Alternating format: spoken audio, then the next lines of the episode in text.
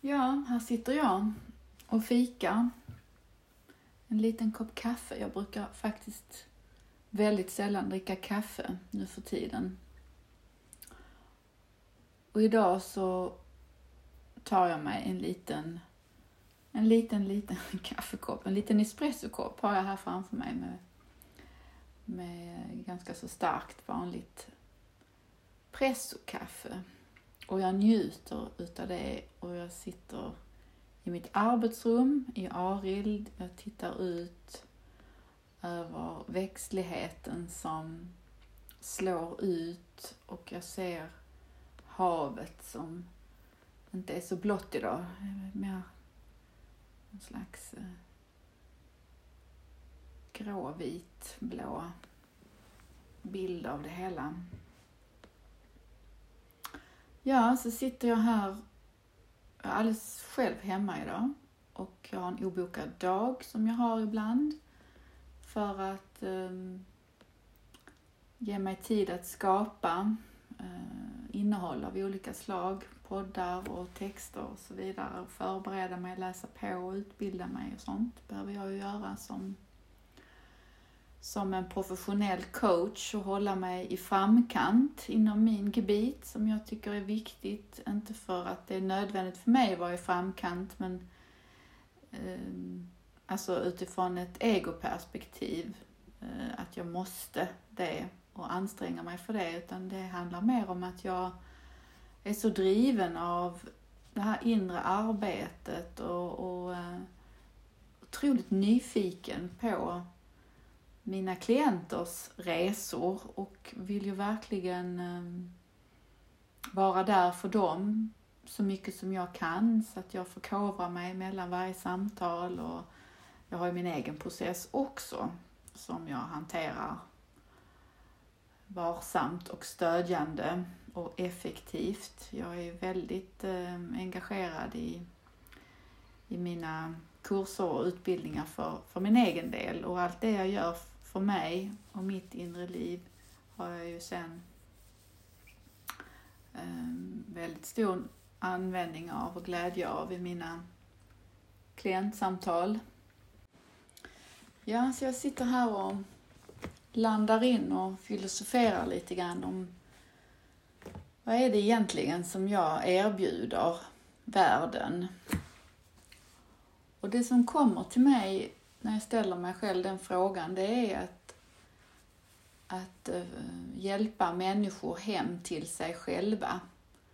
Att föra mig själv hem till mig och då de som vill ha hjälp av mig att komma hem till sig själva.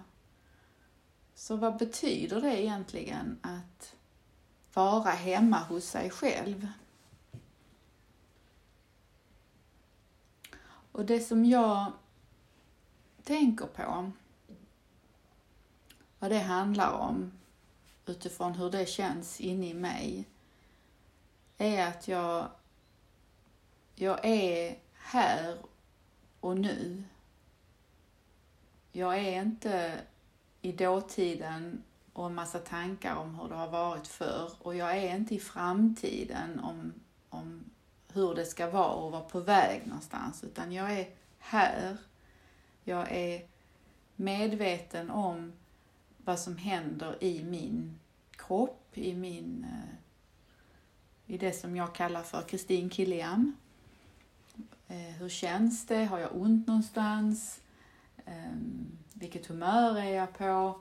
Vad är det som rör sig inne i mig? Att jag är, eh, jag är lyhörd för det och jag eh, är med, tar medvetna val om jag ska följa vissa impulser i mig eller, eller inte. Jag är medveten om vad, vad tillhör min, eh, mitt historiska jag, det som man kan kalla för personlighet eller egofixering.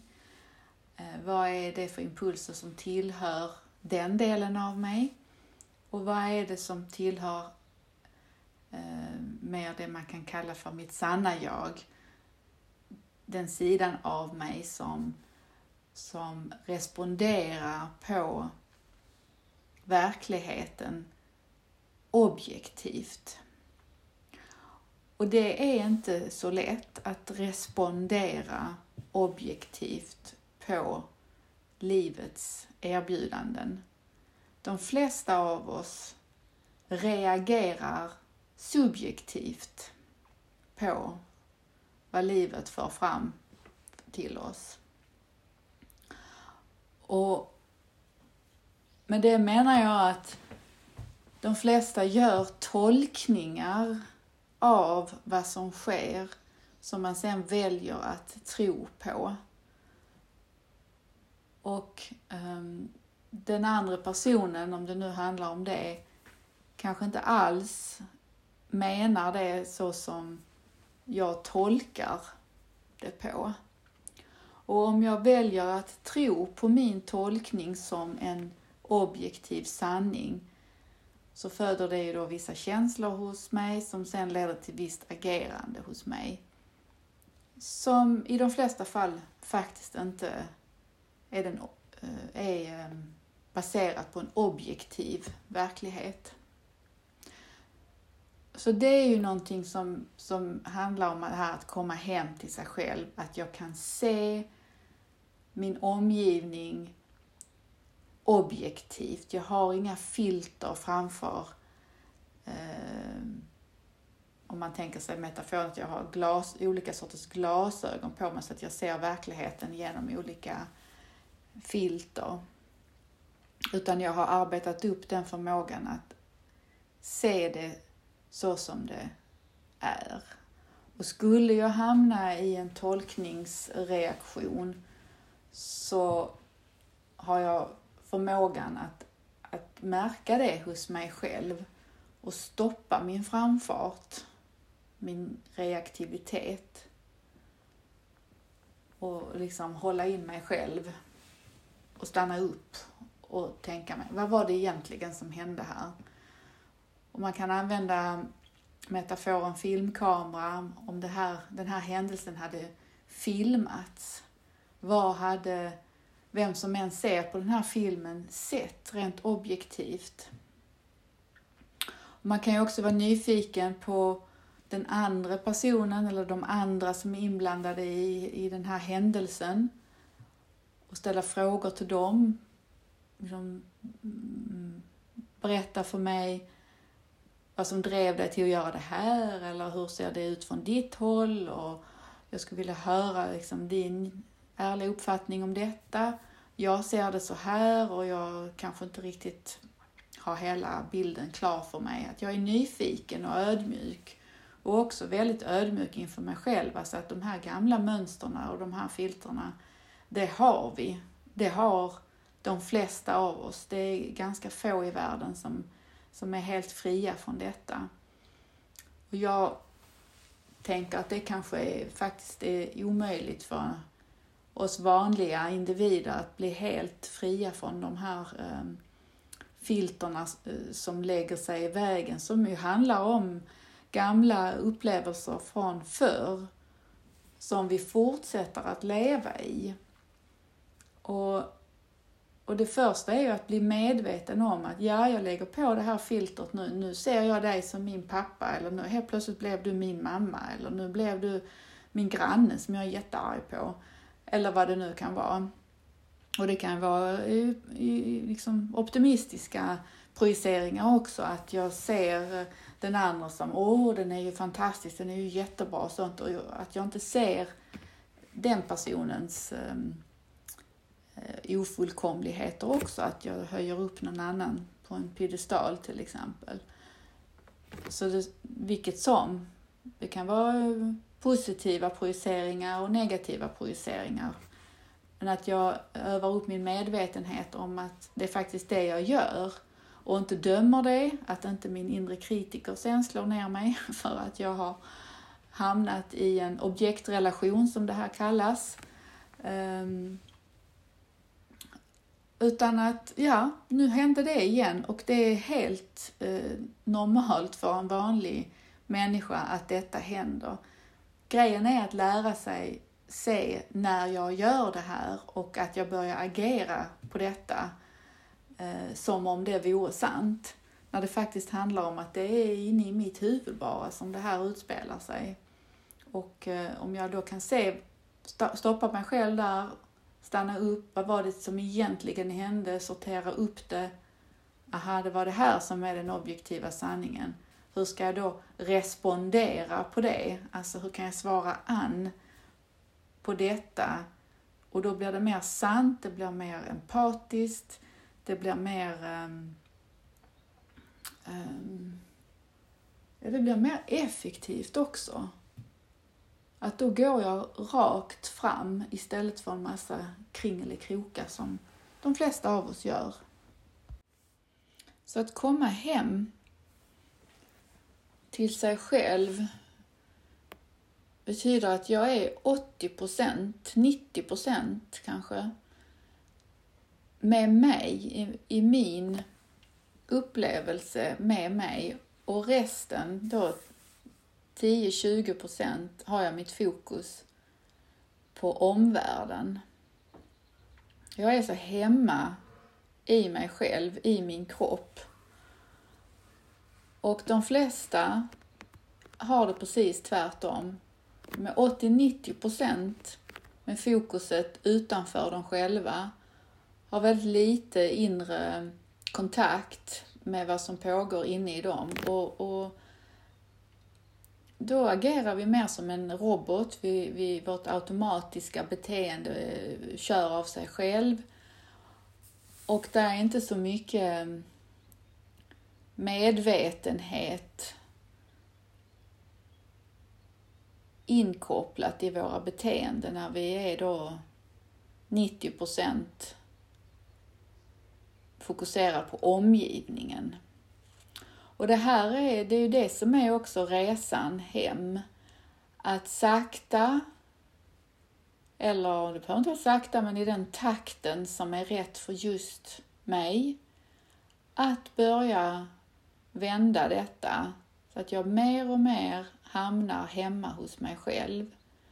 Jag sitter här, nu sitter jag i min stol så att det, därför blir det ju sitter, men det kan ju vara, jag är liksom med mig, jag är helt medveten och klar över vad som pågår inne i mig. Jag tar ansvar för det. Jag responderar istället för automatiskt reagerar. Jag tar medvetna beslut, jag gör medvetna handlingar.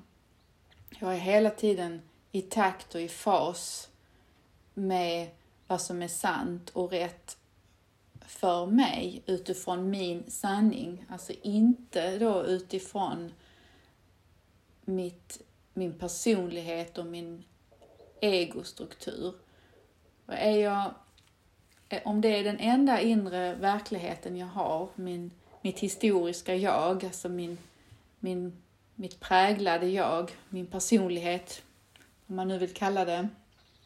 Och att man inte känner till att det finns någonting utanför den lådan, brukar jag använda som metafor. Ja, då är det svårt att ta till sig det här som jag pratar om nu. Ehm, och om just du hör detta och tänker liksom, jag hänger inte riktigt med här på vad hon säger. Då kanske du blir nyfiken på att utforska, kan det finnas någonting utanför det som jag kallar för min verklighet eller det som jag kallar för jag just idag. Och jag är ganska säker på att de flesta av oss har haft en sån upplevelse av när, när eh, man har hamnat helt i i nuet och, och, och mer ha kontakt med hela sig själv. Det kan vara i någon sport eller man har gjort, varit i naturen till exempel eller man är avslappad och lös och ledig och så bara uppstår det här då som, som det finns olika namn på, mitt, mitt sanna jag, min sanna natur, ehm, min, min presence som man säger på engelska det är inte riktigt så lätt att översätta det på svenska. Så närvarande, det, det är inte riktigt... Det är skillnad på presence och present. Liksom att jag kan vara present med det som händer här och nu. Men presence är när jag, när jag blir eh, mitt varande. Och det, det tänker jag att de flesta faktiskt har varit med om, det så bara är en liten glimt. Men det kanske försvinner och så går jag in i mitt automatiska robotliknande jag som jag tror är min, min identitet. Men egentligen är det att jag kör runt i min egen lilla låda hela tiden. Och eh, det finns ju så otroligt mycket utanför den här lådan. Liksom den, utanför lådan finns vår potential som ligger där och bara väntar på oss och hitta den. Och det är det jag gör. Det är det jag jobbar med. Jag jobbar med det med mig själv och det är det jag erbjuder i min profession. Att hjälpa individer som är redo att eh, släppa taget om lådan och öppna upp och börja se liksom, wow, det är allt det här som, som finns där och väntar på mig. Som faktiskt jag kan bli och, och uppnå. Um, och då mår ju människor bra när man har fatt i den här potentialen och jag, jag bidrar med det som, som verkligen är rätt för mig i världen och jag lever ett liv som, som eh, är helt kongruent med hur jag har det inne i mig, med det jag lever min livsstil och mitt arbete och vad jag äter och hur jag för mig i livet. Allting liksom hänger ihop och är sant. Och att göra den här resan hem, det är ju egentligen ett, ett livsprojekt. Och man, man behöver ju definitivt börja precis där, där man är. Det går ju inte att börja någon annanstans. De flesta vill ju hoppa ett steg, att jag vill dit eller jag, man tror att man är någon annanstans än där man faktiskt är. Och det är ju det jag också gör i, i, i samtalen, att liksom hitta, hjälpa till att hitta sig själv på kartan precis där, där jag är. För det är först där jag kan börja och gå och börja möta mig själv och börja jobba med mig själv. Och de flesta som kommer till mig, i början i alla fall, inte alla men många, de är ju någon helt annanstans och springer runt. Nu säger jag det lite sådär, med, kanske låter raljerande, men jag menar det verkligen med värme och empati och medkänsla. Så det är så vi människor gör. Liksom, det, det gör ju jag också. och Jag har ju definitivt gjort det tidigare i mitt liv väldigt mycket. Så med varsam, fast hand så för jag människor som kommer till mig och vill ha min, min hjälp hem till dem själva, precis där de är just nu och sen visar på den potential som finns, som ligger där och väntar eh, på dem. Så det kan ju vara till exempel om jag är en, en um, väldigt driven person som är väldigt um, uh, beroende av att eh, omgivningen ska se mig och bekräfta mig. Det är viktigt för mig att, att um, ha en viss ehm, fasad kanske inte är medveten om att jag har den fasaden men det är viktigt att jag levererar bra resultat. Det är viktigt att jag ser ut på ett visst sätt. Det är viktigt för mig att ha en viss bil. Och allt det här externa um, materiella och andra um, framgångar är viktiga för mig för att jag ska uppleva att jag har ett värde Vissa individer upplever inte att de har ett värde bara genom att vara den de är, utan deras egenvärde kommer genom att prestera och göra och vara effektiva och nå vissa resultat i livet. Vissa certifikat, vissa utbildningar, vissa positioner, vissa ehm, karriärsteg. Först då är jag värd någonting. Och att börja se det, att jag är så driven av externa um, saker, att det är det som håller på att ta livet av mig. Liksom det är ju det är vissa klienter som kommer till mig som, som är egentligen helt utmattade för att de driver sig själva så fruktansvärt hårt för att upprätthålla den här um, bilden av sig själva. Och liksom att, att börja då resan hem är ju i detta exemplet att börja se att jag är unik och värdefull precis så som jag är. Det hänger inte ihop med mina prestationer. Och, och först så kan det vara väldigt skrämmande att, att börja öppna upp och se det här. Men liksom sakta och stadigt så börjar man förstå att ja, så är det och jag längtar egentligen efter kanske leva lite lugnare, kanske ha samma jobb, samma liv ändå, men att driva mitt liv, alltså från mitt hjärta och magkänsla istället för en, en, en idé som jag har i mitt inre. Och när man börjar leda och leva utifrån sitt hjärta, alltså vad, vad det betyder är att jag är i kontakt med mina känslor och behov. Jag eh, är i takt med mig själv, alltså jag är mer hemma hos mig själv. Jag, jag är förhoppningsvis i de här 80 procenten hos mig, vilket gör att jag, jag eh, bemöter min omgivning med medkänsla. Jag ser människor runt mig som människor, inte som robotar som ska utföra saker så att vi ska leverera fantastiska resultat och jag kör över folk. Alltså jag kan bara köra över folk och, och vara sådär superfokuserad när mitt hjärta är stängt. För ofta så, så skadar jag ju andra människor när jag kommer här med min framfart med ett stängt hjärta. När, när jag öppnar upp min, mig själv och, och mitt hjärta och får fatt i min empati så kan jag inte vara um, otrevlig och, och, och um, brutal mot andra människor. Så det går inte.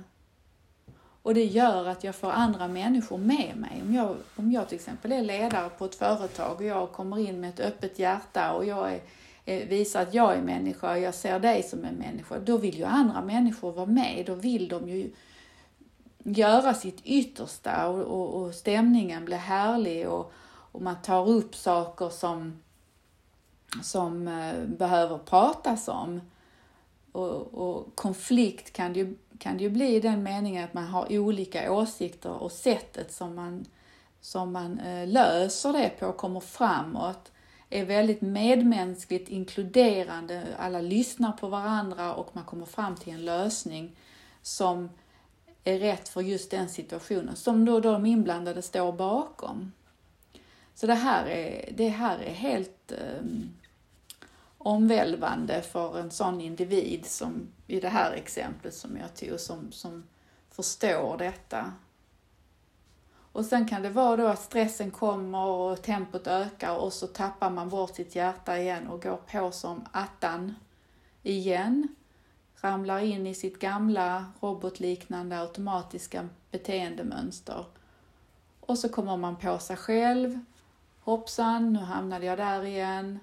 Inte slå på sig, ingen inre kritiker som ska komma där förhoppningsvis och att man lär sig att stoppa den inre kritikern också som har åsikter om att man inte eh, ska ramla tillbaka i gamla mönster. Men det är en del av processen att gå in och ut ur sitt sanna jag och så går, ramlar man tillbaka in i sitt robotliknande mönster och så fattar man det. Hoppsan, nu är jag här igen. Och så landar man in i sig själv och så börjar man agera mer medmänskligt. Och sen så kanske då stressen ökar igen och så ramlar man in i det robotliknande mönstret och så och hoppsan, nu var jag här igen. Stopp, stopp. Och man hämtar hem sig själv. Så ser processen ut. jag brukar kalla det för den eviga jänkan. Liksom två steg framåt, ett bak. Ibland är det fyra steg framåt och sen är det fem bak och sen är det två steg framåt, ett halvt bak och så vidare. Och det här, det här är det här fram och tillbaka som är utvecklingsprocessen. Och många ser det som ett misslyckande när man går tillbaka i de gamla vanorna och mönsterna som man då har insett att ja, men det här vill jag ju inte, det här är inte bra för mig eller för någon. Men det är det som är processen. Och att lära sig att, att ha medkänsla för sig själv och, och se sin process. Och varje gång som man halkar tillbaka i gamla mönster och beteende, att lära sig någonting av det. Hur, vad hände här nu? Hur gick det här till? Hur kunde jag hamna här igen? Så att man, om man har en sån nyfikenhet och lärande eh, Eh, perspektiv på sin egen process, så det är så man utvecklas. Det är som att eh, en, en pärla liksom i, i havet som gnuggas där med sanden och blir den här vackra pärlan. Det är liksom precis det som är, gäller för oss människor också, att vi, vi mm, vad heter det, rubbing, alltså nöter oss mot verkligheten och slipar på vår egen diamant och potential fram och tillbaka. Så, så att det är den här eviga processen som ändå går framåt som, som jag är ju en, eh, en eh, följeslagare och, och ibland guide på vägen. Och att i samtalen så benar vi ut liksom, vad hände där och hur blev det så? Och då hitta vägar som gör att kanske nästa gång så kanske jag kan stoppa mig själv när jag, när jag är på väg att kliva in i ett gammalt beteende. Liksom, jag kan stoppa mig, ta ett djupt andetag och så kopplar jag in mig själv i hjärta och mage. Och så gör jag det som jag faktiskt vill göra, som är rätt för mig. Och andra individer kanske är drivna av att um, att de är så rädda för att visa sin egen sårbarhet och, och litenhet. Så att de har byggt upp en, en, eh, en egostruktur där de visar sig stark och jag är, går på er, jag, jag talar min sanning, jag är alltid ärlig. Och man har omedvetet en attityd av att um, anfall är bästa försvar. De omedvetet eller ibland medvetet utgår ifrån att jag kommer ändå bli attackerad och övergiven så att det är bättre att jag attackerar först. Och den här sortens individer, de är väldigt framgångsrika, orädda, tar för sig, vill mycket, har mycket kapacitet. Och eh, om de då tappar kontakten med sig själva och sitt hjärta så kan de ju bli otroligt eh, kallhamrade och um, om, om, om de förstår vad det är de håller på med och kan börja närma sig att visa och känna sin egen sårbarhet, alltså sin egen ofullkomlighet och öppna upp och koppla in hjärtat. Då händer det saker, att ha den här naturliga medfödda enorma kraften och kapaciteten tillsammans med medmänskligt eh, hjärta, då händer det grejer. Då vill människor vara med dem och de har ofta en nat naturligt ledars ledarstil. Um, men när de tappar sitt hjärta så är det inte många som vill vara i närheten för de kan de bli ganska så dominerande och eh, ja, våldsamma, alltså i sina handlingar. Och då menar jag inte liksom våldsam alltid med fysiskt våld utan med ord och med handlingar i arbetet och, och så. Och sen andra, de kan drivas av att um, jag måste hjälpa andra, jag är här för andra, jag, jag, jag ger allt av mig själv för att på så vis uppleva eh, sig älskad och omtyckt, sätta sig själv i andra rummet, alltid de andra först. Och deras väg är ju att se att jag är eh, jag är älskad så som jag är. Jag eh, behöver lära mig att, att ta hand om mig själv först och inte utplåna mig själv. Och eh, sätta gränser runt mig och, hjälpa andra som nummer två i livet.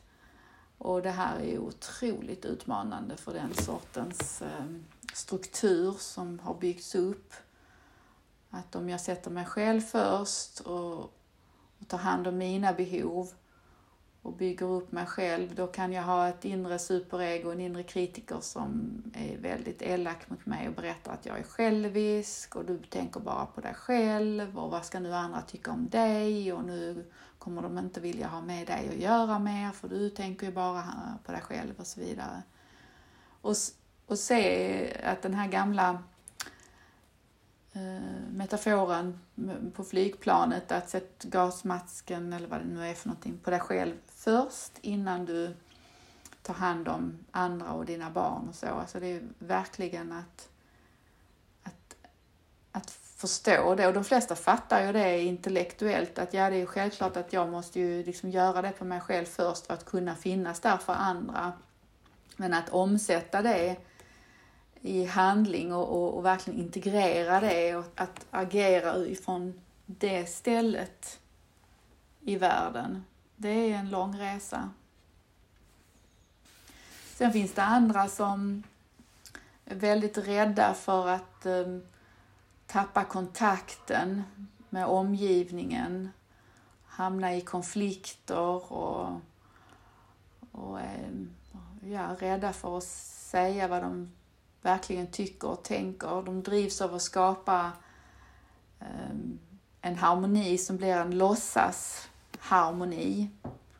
Anpassa sig efter omgivningen och vad andra vill ha av mig och på så vis utplåna sig själva och bara finns där eh, för att tillfredsställa andras eh, önskningar och behov. Och det gör jag för att jag är så rädd för att tappa kontakten, att, att bli själv och utstött.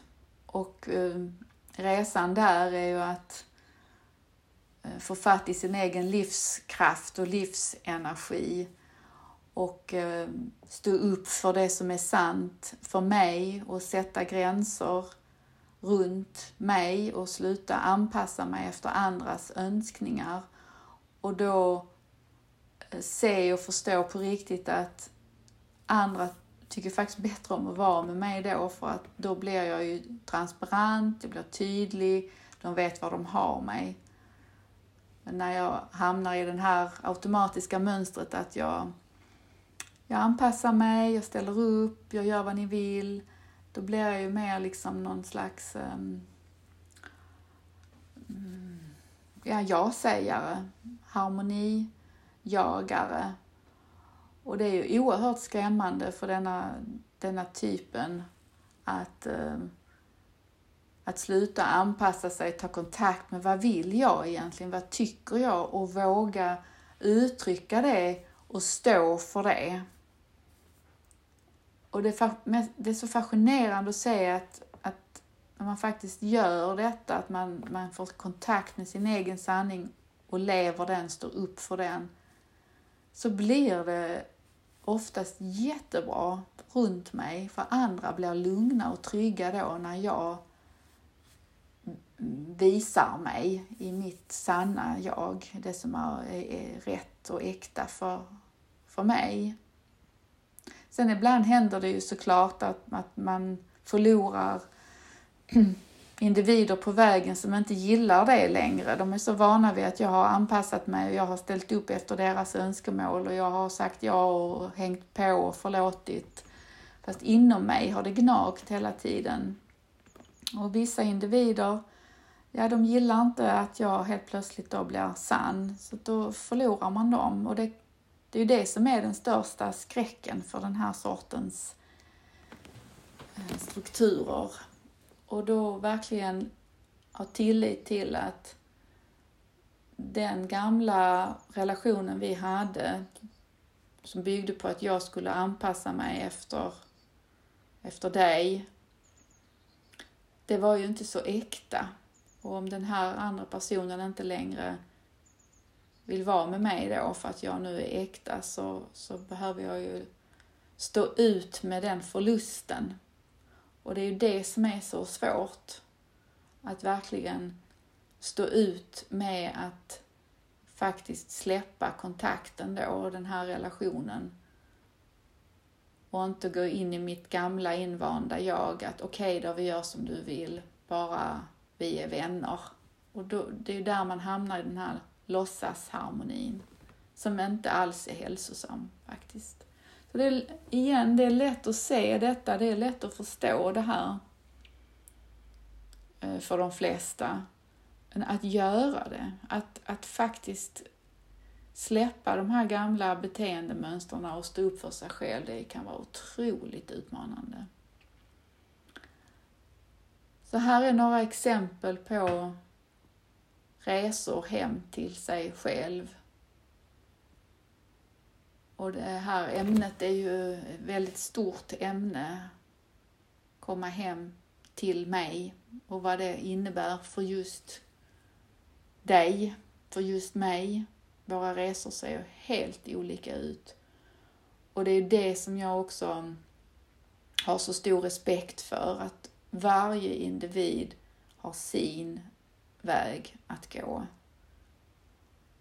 Och jag kan peka ut vissa saker kanske och föreslå, men det individen vet bäst själv. Och um, det går i olika takt. Varje individ har sin egen mognadstakt och har respekt för det. Och det går inte att forcera detta, att uh, ta sig hem. Man kan göra det man kan för att, underlätta den här resan och möjliggöra det. Det kan man göra och gå all in i det. Men jag kan inte påverka i vilken takt min is smälts. Jag kan jag kan egentligen bara värma upp vattnet. Så smälter isen i den takt som det behöver smälta. Ja, jag tycker det här är väldigt, väldigt spännande att eh, hitta vägen hem till mig och hitta vägen hem med de klienter som kommer till mig. Och sen se när när man kan börja skörda så att säga, man får fatt i sina gåvor i livet och börja leva ifrån den platsen. Det är fantastiskt. Tack för mig!